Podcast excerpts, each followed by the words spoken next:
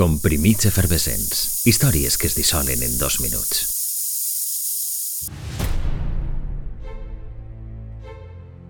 No fou precisament un èxit. Més prompte podríem parlar de fracàs clamorós. L'escala de Milà es queda freda pot ser perquè esperava més de Giacomo Puccini.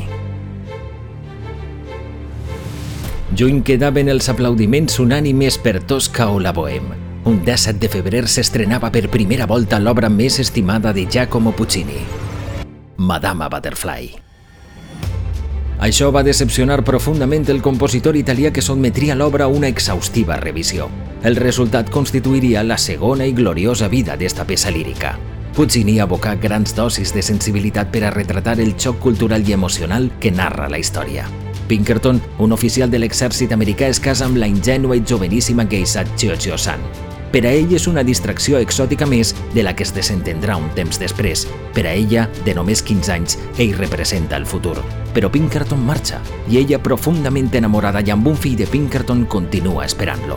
Ell tornarà sí, però casat amb una altra dona i disposat a quedar-se amb la criatura. El sentiment de traïció és tan gran que Chio-Chio-san opta per acabar amb la seva vida com un samurai.